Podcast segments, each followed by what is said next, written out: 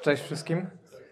Fajnie, że tutaj tyle osób jest. To jest myślę całkiem ciekawe, bo ja pochodząc ze świata kryptowalut, tak naprawdę, no teraz tak naprawdę mówię do tak zwanego eco chamber, gdzie mówi się do ludzi, którzy gdzieś tam wyparowali, bo jest bessa.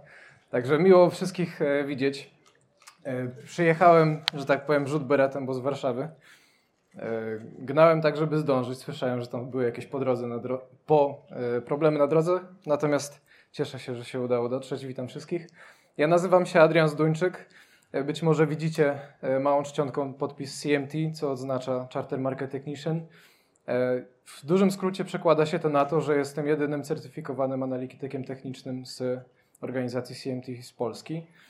Stąd mam przyjemność i nadzieję zarzucić Wam kilka fajnych tematów w kontekście przyszłości cenowej złota i srebra. I będziemy sobie odpowiadać, stawiać niektóre tezy, odpowiadać na konkretne pytania. E, Natomiast chciałbym zacząć e, od takiego pytania, które chciałbym, żebyście wszyscy sobie zadali. To jest, czy i na ile można przewidzieć przyszłość w ogóle, nie? Ja pochodząc ze środowiska analizy technicznej, no oczywiście spotykam bardzo często takie opposing force, to znaczy e, analiza techniczna ma troszkę e, taki stygmat mm, wróżenia z fusów, co zupełnie niepotrzebnie i w sposób nie, niedokładny jest interpretowane i powielane bardzo często przez jakieś mainstreamowe media, bo jest to bardzo poważna nauka tak naprawdę, która wynika z połączenia finansów i z połączenia psychologii, czyli jest to coś z zakresu finansów behawioralnych, a to jest prawidłowa dziedzina no poniekąd ekonomii stosowanej, więc e, odpowiadając tak naprawdę na pytanie, czy da się przewidzieć przyszłość, no musimy sobie odpowiedzieć na szereg pytań, które się na to składają, ale oczywiście jest to bardzo skomplikowana rzecz, bo jest bardzo wiele skomplikowanych czynników, które wpływają na to, co się dzieje teraz i na to, co się będzie działo jutro. I nie wiem, podnieście rękę w takim razie, kto z Was przewidział wojnę, na przykład Rosja-Ukraina. Jedna osoba. W jakim kontekście? No w kontekście, w kontekście czasowym na przykład. Ale co do daty? No nie chodzi mi, żeby strzelić się w konkretną datę, tylko no, że ktoś stwierdził, ok, luty będzie wojna na przykład, nie? Yy, Bardzo ciężko jest coś takiego zrobić i nawet jeśli uda się coś takiego przewidzieć, to jest to znacznie częściej yy, luck, szczęście. Tak? Nie wiem, szczęście kurczę trochę taki fart właśnie, bardziej to z, z, po angielsku ma to sens. Natomiast w tym kontekście yy, nie da się dokładnie przewidywać przyszłości skutecznie ciągle. Można ją zgadnąć raz na jakiś czas, jak się zgadnie to super. Można wy wygrać w totolotka, ale nie będzie się wygrywało w totolotka 150 razy z rzędu, prawda? Stąd predykcja, nawet jeśli trafiona, ona nie ma w zasadzie stuprocentowego i takiego bezpośredniego przełożenia na sam trading, na wyniki inwestycyjne, bo analiza techniczna, tak jak samo e, jak analiza fundamentalna czy analiza sentymentu, one są analizami, to nie są czynności tradingowe. One można na nie spędzić mnóstwo czasu i można nic z tego nie ugrać. I co więcej, znam ludzi, którzy w ogóle nie używają żadnej analizy i po prostu na chybił trafił lecą i mają farta i zgarniają naprawdę duży hajs. Natomiast w kontekście analizy technicznej, bo y, trading no jest i powinien być zresztą całkiem utożsamiany y, z właśnie tradingiem technicznym, y, który opiera się na trendach opiera się na trendach. I trendy to jest takie bardzo ciekawe słowo klucz w inwestycjach, w, w ogóle w, w psychologii między innymi, w, w tak zwanych efektach stadnych, bo to jest coś, co napędza rynki. To jest coś, co napędza właśnie istnienie konkretnych możliwości zarobkowych. Stąd rozmawiając o trendach, będziemy mogli zrozumieć tak naprawdę być może co nieco a propos przyszłości, ale zanim przejdę do samych trendów, to powinniśmy najpierw zrozumieć i wyjść od samych podstaw, z samej głębi, u samego źródła, to jest czym jest analiza techniczna. I jest to swojego rodzaju sztuka. Jest to sztuka, bo jest bardzo często subiektywna. Sztuka jest subiektywna, nie jest to coś w 100% obiektywnego, ale nie jest to do końca dobre w tym kontekście, bo właśnie analiza techniczna, pomimo tego, że jest subiektywna, to może być też obiektywna. I ta właśnie obiektywna ma, dotyczy, ma dotyczyć statystyki, czyli, yy, wszystkich zdarzeń, które tak naprawdę miały miejsce i stanowią pulę informacji. Wobec tej puli informacji możemy stwierdzić, że na przykład jeśli znacznie częściej niż nie listopad lub grudzień mają tendencje wzrostowe na wszystkich rynkach z jakiegokolwiek powodu, no to według mnie byłoby błędem ignorowanie tego i granie pod prąd. Stąd analiza techniczna jest to sztuka, ale jednocześnie jest to pewna nauka, jest to dziedzina, e, która wykorzystuje statystykę, która wykorzystuje finanse behawioralne i służy ona tak naprawdę do wczesnego wykrywania trendów. Ona nie służy do przewidywania przyszłości. I to jest najbardziej niesprawiedliwa łatka, jaką można przyczepić analizie technicznej, i to jest coś, e, z czego według mnie wynika w większości niezrozumienie w ogóle tego pojęcia i niezrozumienie e, tej sztuki. Ludzie często mają to do siebie, wszyscy mamy to do siebie, że używamy pojęć, którego znaczenia, znaczenia nie znamy, używamy pojęć bez zastanowienia chwilowego nad definicją, stąd ja zawsze staram się bardzo przemycić e, no, po prostu definicję, bo to od nich się wychodzi. Stąd więc e, chciałbym rozwiać kilka mitów i analiza techniczna w życiu nie będzie dla Was stuprocentową gwarancją wygranej. I wynika to z tego, że jest pewna asymetria w naszym kontekście tradingowym, inwestycyjnym, że lo, losses, czyli straty, nie da ich się uniknąć. One są wryte po prostu w, w, w każdą strategię inwestycyjną. Nie da się być w 100% skutecznym inwestorem. Nie da się zgadywać przyszłości 100% e, zgodnie. Można to robić przez pewien czas krótki, ale jest takie coś, co się właśnie w, w probabilistyce nazywa e, no, theory of runs po angielsku, no, ale pewnie jakieś przełożenie, jakiś szereg nie wiem, biegów, no nie wiem, ciężko to przetłumaczyć na polski. Musicie mi przebaczyć, będę, prze, będę czasami przemycał jakieś angielskie zwroty, będę starał się je wyjaśniać. Natomiast mając e, tę informację, że to nie jest stuprocentowa wygrana i nigdy jak jest jakiś, jakaś formacja na wykresie, to to nigdy nie będzie działało dokładnie tak samo. Jak zadziała, to raczej to wynika z tego, że jest po prostu jakaś zbieżność sytuacji i jakiś właśnie przypadek, aniżeli dlatego, że jest jakaś niesamowita formuła. Nie ma żadnego świętego grala w tym, jakby można szukać, ludzie zawsze szukają tej jednej strategii inwestycyjnej, tej jednej jednej metody, tego jednego rynku, tego jednego wzorca, tego jednej formacji, która zawsze będzie po prostu drukowała hajs, natomiast to nie istnieje. Coś takiego nie ma bytu. Z tego właśnie względu, że jest no niemalże nieskończona ilość informacji, która wpływa w czasie rzeczywistym. I każda tajna informacja może powodować tak zwany efekt motyla, gdzie po prostu machnięcie skrzydełkiem motyla gdzieś tam po, po stronie Azji będzie wywoływało, wywoływało huragan, na przykład gdzieś, e, no na przykład w Miami. Nie jest ona również odporna na manipulacje. Bardzo łatwo jest takie coś zmanipulować. Bardzo łatwo jest zmanipulować każdy wykres. I co więcej, powiem Wam, że wszyscy na dzień dobry jesteśmy manipulowani i przez media, i przez polityków na każdym kroku. Wszyscy jesteśmy manipulowani również w kontekście finansowym. Przykład Amber Gold, przykład franków szwajcarskich. I są pewne autorytety, które bardzo często są ustawiane celowo, żeby właśnie no, nagonić w pewien sposób na konkretną narrację, która jest potem amplifikowana na zasadzie megafonu przez media. Natomiast to prowadzi do, do, do, dużych strat bardzo często i do niewypłacalności, do bankructw. Stąd przestrzegam przed takim bardzo prostolinijnym traktowaniem e, po pierwsze wszystkiego, co ludzie mówią w mediach, po drugie e, kwestie manipulacji właśnie, bo to tak się łatwo układa. Nie jest również wróżeniem z fusów. To jest, jest w tym rzeczywista materia, jest w tym rzeczywista wartość. Nie jest to puste. No i przede wszystkim nie jest to zbiór śmiesznych kresek, gdzie każda kreska, jakiś kwiatuszek, czy jakiś nietoperz, czy jaką tam inną sobie e, kreskę na, ktoś namaluje w cudzysłowie na, na wykresie, to będzie spodziewanie się, że, że ona ma jakąś wartość merytoryczną. Do końca tak nie jest. Otóż, rozmawiając dalej o trendach, mając to pojęcie troszkę o zapleczu technicznym, rozmawiając o trendach, mówimy tak naprawdę o ruchach w, kontekście rynkowym, o ruchach cenowych które są ukierunkowane i które mają tendencję do trwania. Z angielskiego persistence, trochę lepiej być może to brzmi, nie wiem czy jest nawet w polskim słowniku słowo persystencja, ale załóżmy, że jest. Stąd e, tak zwane follow, właśnie to persystencja, to dążenie, ta powtarzalność w konkretnym kierunku to jest coś, co generuje trend. Trendem nie jest coś, co się dzieje jakieś 70% e, czasu na rynkach, gdzie rynki tak naprawdę idą w takim reżimie bocznym, tak naprawdę bujając się od jednej strony do drugiej bez żadnego przebicia.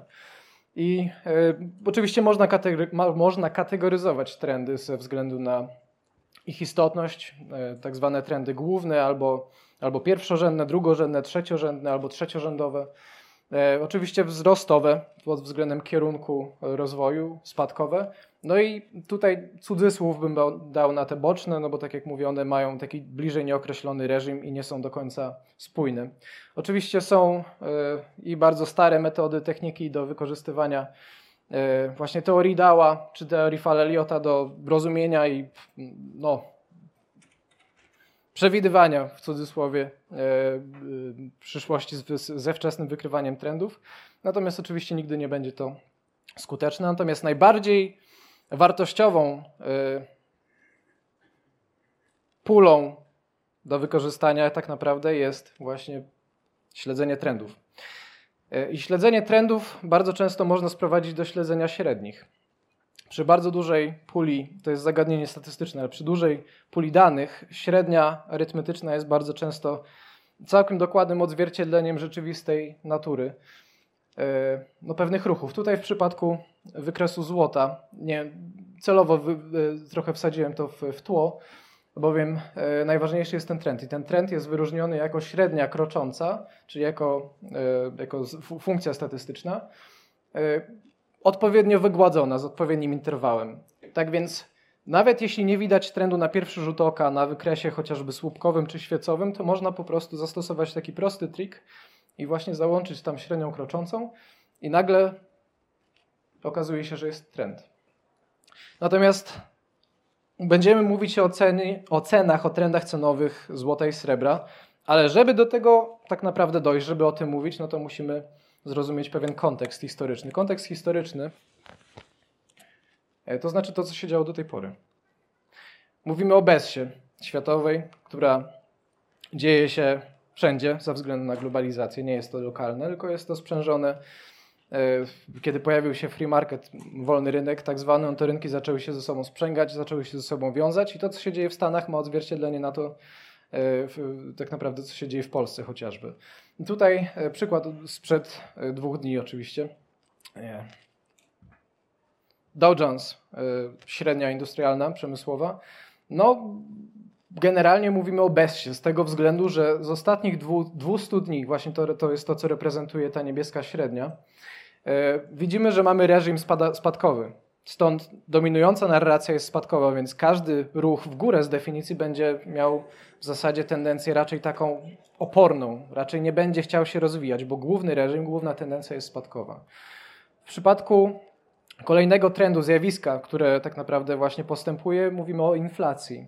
I tutaj ta inflacja już nie jest śmieszna wcale, bo na, na arenie światowej no jest jest bardzo duża, wymknęła się spod kontroli, wbrew wszystkiemu, co, co, co, co każą nam wierzyć, bardzo często w telewizji. E, w Stanach jest blisko 9%, inflacja bazowa jest około 6%, czy tam nawet 7, niektórych, zależnie oczywiście, to są oficjalne dane, tak? ale to niekoniecznie oznacza, że są prawdziwe. E, tutaj oczywiście OECD było, tak? czyli ta wspólnota ekonomiczna z bazą we Francji, 38 państw. Dla porównania Stany właśnie 9%. 9%.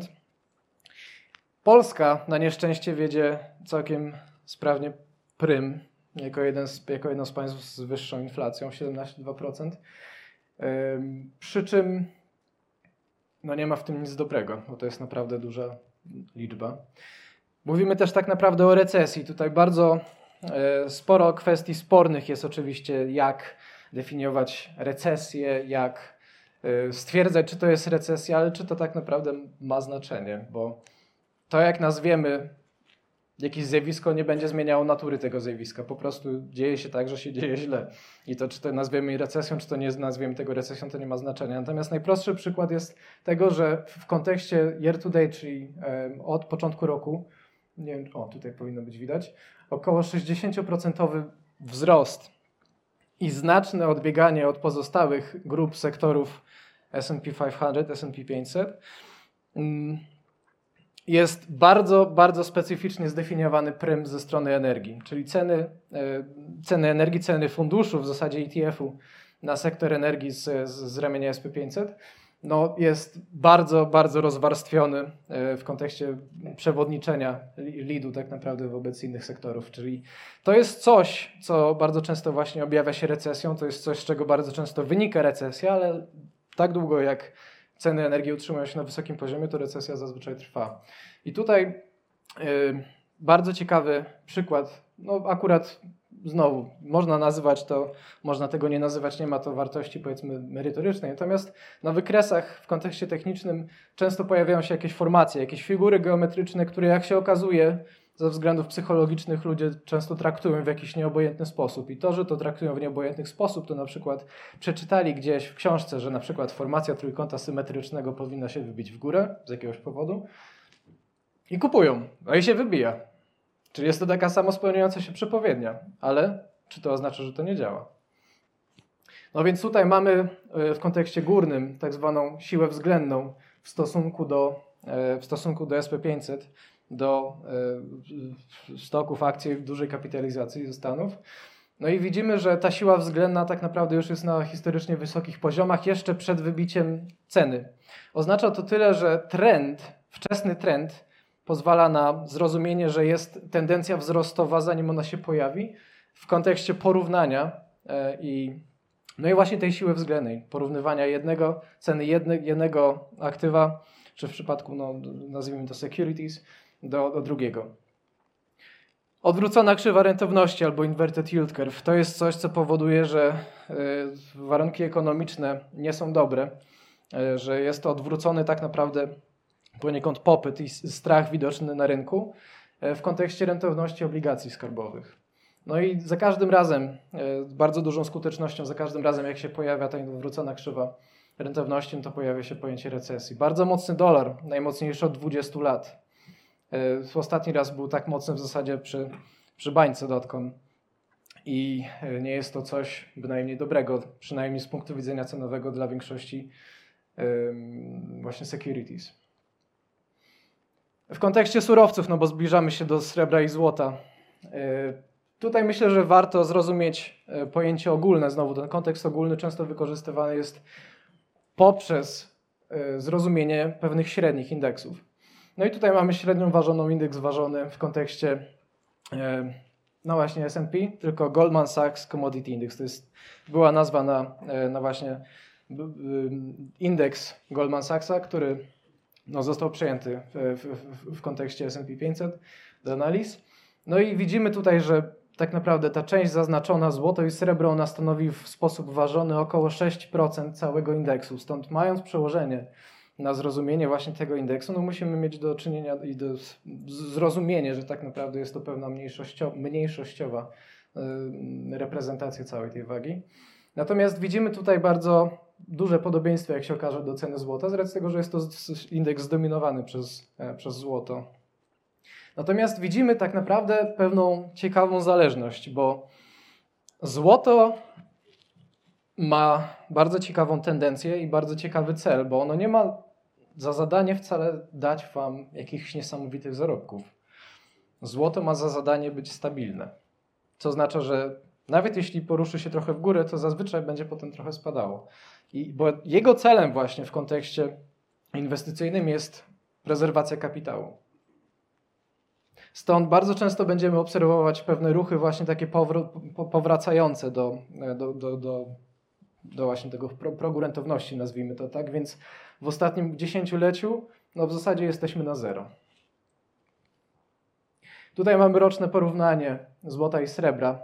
Y, na samym dole mamy srebro, które widać, że idzie troszkę bardziej bokiem, y, jakieś 17-18% na stratach w, w, ujęciu nominalnym do tej pory. Oczywiście nie mówię o realnych, uwzględniając inflację i stopy procentowe. Y, w, w przypadku złota mówimy tutaj tak naprawdę o trendzie troszkę bardziej spadkowym. Mam nadzieję, że widzicie to. Widać to? Te różnice pomiędzy tym bocznym, bocznym reżimem a tym troszkę bardziej spadkowym. To jest, nie, jest, nie jest to taka uderzająca różnica, natomiast no, według mnie jest y, coś, to jednak mówi. Tutaj y, w, w kontekście od początku roku złoto, y, przy tym jak oczywiście mieliśmy kwestie wojenne, no to wywindowały ceny w górę. Natomiast dodaję tutaj jedną główną strzałkę ze względu na, na porównanie, które za chwilkę zestawię ze ze ceną złota wyważoną, wy- denominowaną, denominowaną w złotówkach. Widać różnicę? To jest to samo złoto, ale wycenione w dwóch różnych walutach i ma zupełnie różne wykresy. O czym to świadczy? Otóż 20-letnia wartość pod względem wysokości właśnie z, z, cen dolara, najwyższe wartości od 20 lat historyczne powodują to, że wszystko, co jest denominowane w dolarze, będzie tak naprawdę spadało w cenie, bo ono samo w sobie reprezentuje tę samą wartość, natomiast y, wywa- wyważone w, dolarze no, będzie kosztowało tak naprawdę y, mniej. Natomiast w złotówkach mamy trend, no właśnie taki boczny, taki reżim boczny, tak? Czyli tutaj mamy ujęcie spadkowe wymienione w dolarach, natomiast ujęcie średnie, e, właśnie dążące w takim, w takim kanale bocznym, w takim trendzie bez trendu, w takim reżimie właśnie bocznym na e, dewaluacji, na de- denominacji tutaj w, w złotówkach. Srebro no, rusza się troszkę inaczej, natomiast w kontekście takim długoterminowym z ostatnich 20, no 10-20 lat, tak naprawdę no, oczywiście mieliśmy potężną bańkę, co jest ciekawe, w, w 2011-2012 na, na, na surowcach, która no, potem przerodziła się w bardzo ciekawy wykres, który często bardzo przypomina na przykład kwestie y, kryptowalutowe pod względem właśnie chwiejności tego zwanego y, volatility, czyli tej chwiejności, różnorodności tego wahania. E, Więc srebro jest troszkę takim zdziczałym bratem złota. Często gdzieś tam odbiega, jest takim bardziej rozbrykanym dzieckiem, natomiast no, ono dzięki temu powoduje, że poprzez to sprzężenie złotem, które jest całkiem duże, no, często ruszają się w tym samym kierunku, no, możemy zgarnąć ten margin, możemy zgarnąć tak naprawdę te, tę marżę wynikającą z tego, że jesteśmy upozycjonowani w srebrze. W tym przypadku no, mamy, mieliśmy takie całkiem sensowne wy, wybicie e, w, właśnie związane z COVID-em e, w, no, przez ostatnie dwa lata. No i delikatnie ten powrót rzeczywiście w okolice średniej, to jest średnia 50-miesięczna. E, Tutaj mamy zestawienie u góry znowu tej em, siły względnej e, na, na srebrze względem akcji, właśnie względem SP500. No i tutaj można zauważyć, że jest znowu troszkę bardziej tendencja spadkowa. To znaczy tyle, że srebro jest w trendzie spadkowym względem akcji. To znaczy, że nawet jeśli akcje tracą, to srebro będzie traciło jeszcze więcej. E, Natomiast no, oczywiście mieliśmy lokalne jakieś wz- wzloty i upadki, to one zawsze będą się pojawiać. To nigdy nie jest tak, że jest jedna dominująca kreska i po prostu nigdy nie będzie żadnych odstępstw. Są to po prostu jakieś fluktuacje, oscylacje, są pewne ruchy e, wybijające powyżej średnie, poniżej średnie. Natomiast tendencja właśnie w, w ujęciu takim rocznym od początku roku no jest raczej spadkowa, prawda? Widać tutaj ten tren- trend spadkowy, te e, podążanie właśnie w konkretnym kierunku południowym w tym przypadku. E, Ten wykres ma tak naprawdę zastosowanie e, w, w, w kontekście zrozumienia korelacji. Korelacji, czyli powiązania. E, Korelacja to jest funkcja statystyczna, ale powiązania jednych surowców z drugimi. W tym przypadku korelacja, współczynnik korelacji w obazie siedmiotygodniowej no jest na poziomie zero sprzed dwóch dni. Oznacza to tyle, że złoto i srebro całkiem sprytnie działają ze sobą w tym konkretnym momencie jako elementy dywersyfikacji w portfelu. My nie chcemy mieć w portfelu samych, mm, samych aktywów, samych papierów tak naprawdę, które podążają wszystkie w tym samym kierunku, bo skoro podążają wszystkie w tym samym kierunku, to będziemy mieć mnóstwo hajsów w, w, HOSie, ale bardzo mało pieniędzy w BESie, bo to, co idzie w górę razem, będzie szło potem w, w dół razem również. E, W kontekście porównania korelacji właśnie na tej samej zasadzie, na tej samej bazie e, złota do dolara. Mówimy tutaj o lekko negatywnej korelacji, co jest nie dziwne, bo przez większość czasu zdecydowaną ta korelacja utrzymuje się na, na, negatywnych, e, na negatywnych poziomach, czyli od 0 do minus 1, co oznacza tyle, że jest tendencja odwrócona, czyli jeśli dolar rośnie, no to właśnie złoto spada i to jest coś, co widzimy oczywiście ostatnio, to jest coś, co się właśnie odznacza tą negatywną korelacją. W tym przypadku na poziomie 0,18 na minusie, o ile dobrze widzę. E, Natomiast najistotniejsze jest to, że mamy pewną tendencję odwróceniową lokalnie, co oznacza tyle, że ta, korelacja słabnie. I dla nas to jest o tyle dobrze w kontekście przyszłości cenowej złota chociażby, że nawet przy mocnym dolarze ten spadek na złocie nie powinien być aż tak bardzo drażniący. Tutaj mamy zestawienie złota i srebra tak naprawdę. Mamy na wykresie złota na przedłożone albo nałożone z tyłu właśnie kolejno siłą względną, czyli porównanie e, cen złota i srebra. No i widać, że w czasie, kiedy złoto tak naprawdę spadało, no to srebro w ciągu ostatnich szczególnie kilku miesięcy, no albo, albo no podążało właśnie tym takim ruchem, ruchem bocznym, tym takim reżimem bocznym, bez kierunku, no albo mamy tak naprawdę znaczną przewagę złota nad srebra w, w, w kontekście względnym, czyli nawet jeśli nawet jeśli złoto jest powiedzmy stabilne, ale, jedno, ale, drugi, drugi ten aset spada, no to będzie to się odzwierciedlało w sile względnej jako zmiana też. To nie będzie tak, że to będzie jakiś e, brak ruchu. W przypadku korelacji złota-srebra, czyli jak tak naprawdę porusza się złoto względem srebra, no mówimy tutaj, o ile to dobrze widać, o bardzo mocnej korelacji, bardzo mocnej pozytywnej. To oznacza tyle, że jest bardzo mocna zależność, nie tyle, że jakby traderzy złota i srebra się umawiają, ok, to teraz lecimy w górę, ok, to teraz lecimy w dół, tylko jest rzeczywiście jakaś, jakaś taka tendencja do tego, że ta zbieżność cen rzeczywiście się pojawia, ruchów cenowych. I tutaj korelacja, na, współczynnik korelacji na poziomie 0,83 na plusie, no mówi mi tyle, że rzeczywiście srebro jest tym troszkę bardziej rozwydrzonym bratem złota, natomiast nie zawsze tak jest, tak? bo mamy, mamy momenty, gdy ta korelacja się odwraca, chociażby jak e, na, na COVID-zie gdzie jest e, skrajnie na przykład negatywna. No więc oczywiście wiem, że to jest mnóstwo wykresów. E, my technicy mamy to do siebie, że siedzimy w wykresach. I wykresy często wymagają czasu, wymagają zrozumienia, wymagają poświęcenia. Więc yy, wydaje mi się, że to tak naprawdę, co ja bym chciał przemycić tutaj pod względem wartości, jaką z tego macie, to jest pewną inspirację, do tego, żeby kopać głębiej, do tego, żeby poszukać trochę dalej. Natomiast w kontekście przyszłości, znowu mając na uwadze, że nie możemy do końca przewidzieć przyszłości, możemy zgadywać, możemy mieć pewne założenia. Dobrze jest mieć oczekiwania, natomiast powinniśmy mieć plan, który uwzględnia ten worst case scenario, tak? czyli co jeśli wszystkie, wszystkie elementy negatywne zadziałają razem, to tak zwane prawo Marfiego. Nie? No i tu się okazuje, że warto po prostu trzymać się trendów. Właśnie z tej racji, że one mają tendencję do trwania w konkretnym kierunku. I jeśli będziemy grzecznie i cierpliwie czekać, to one nam wynagrodzą to tak naprawdę z nawiązką, bo znaczna większość czasu dla tradera, dla tradera, który tak naprawdę jest nastawiony na zarobek, no to właśnie polega na czekaniu na trend. 70% czasu trend nie będzie się pojawiał zazwyczaj. To oznacza tyle, że jeśli jesteśmy trenderami, traderami właśnie trendowymi, e, no to nastawiamy się na straty 70% czasu, czyli 7 tradeów na 10 tak naprawdę ma, e, są skazane na straty. Tylko tyle, że te straty są małe, są asymetrycznie mniejsze od wygranych, a te wygrane są właśnie napędzane tym, że te trendy po prostu no właśnie mają tendencję do, tendencję do perzystencji. Umówmy się, że jest takie słowo na potrzeby prezentacji. E, w kontekście przyszłości warto mieć dane sezonowości, bo jest to też pewne ciekawe zjawisko, chociażby takie, że każdy lubi nie wiem, kupić czasami pierścionek drugiej połówce, zakładając, że mówimy e, tak naprawdę o e, pewnych prezentach na złocie. Tak? Pewne prezenty na złocie no, często ludzie kupują na święta.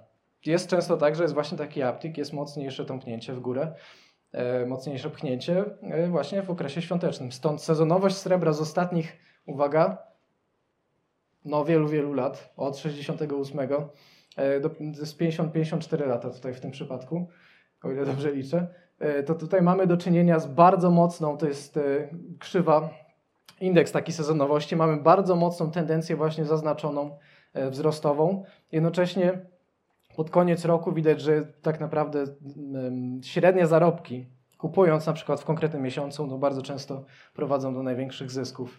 Stąd, mając w przypadku podobną sezonowość srebra, gdzie mamy to zaznaczenie w kierunku e, pozytywnego grudnia i pewne dane e, co do tego, że na przykład bardzo znacznie częściej zamykają się miesiące pozytywnie niż negatywnie e, w, kontekst, w kierunku końca roku, no to jesteśmy w stanie tak naprawdę wysnuć jakieś oczekiwania.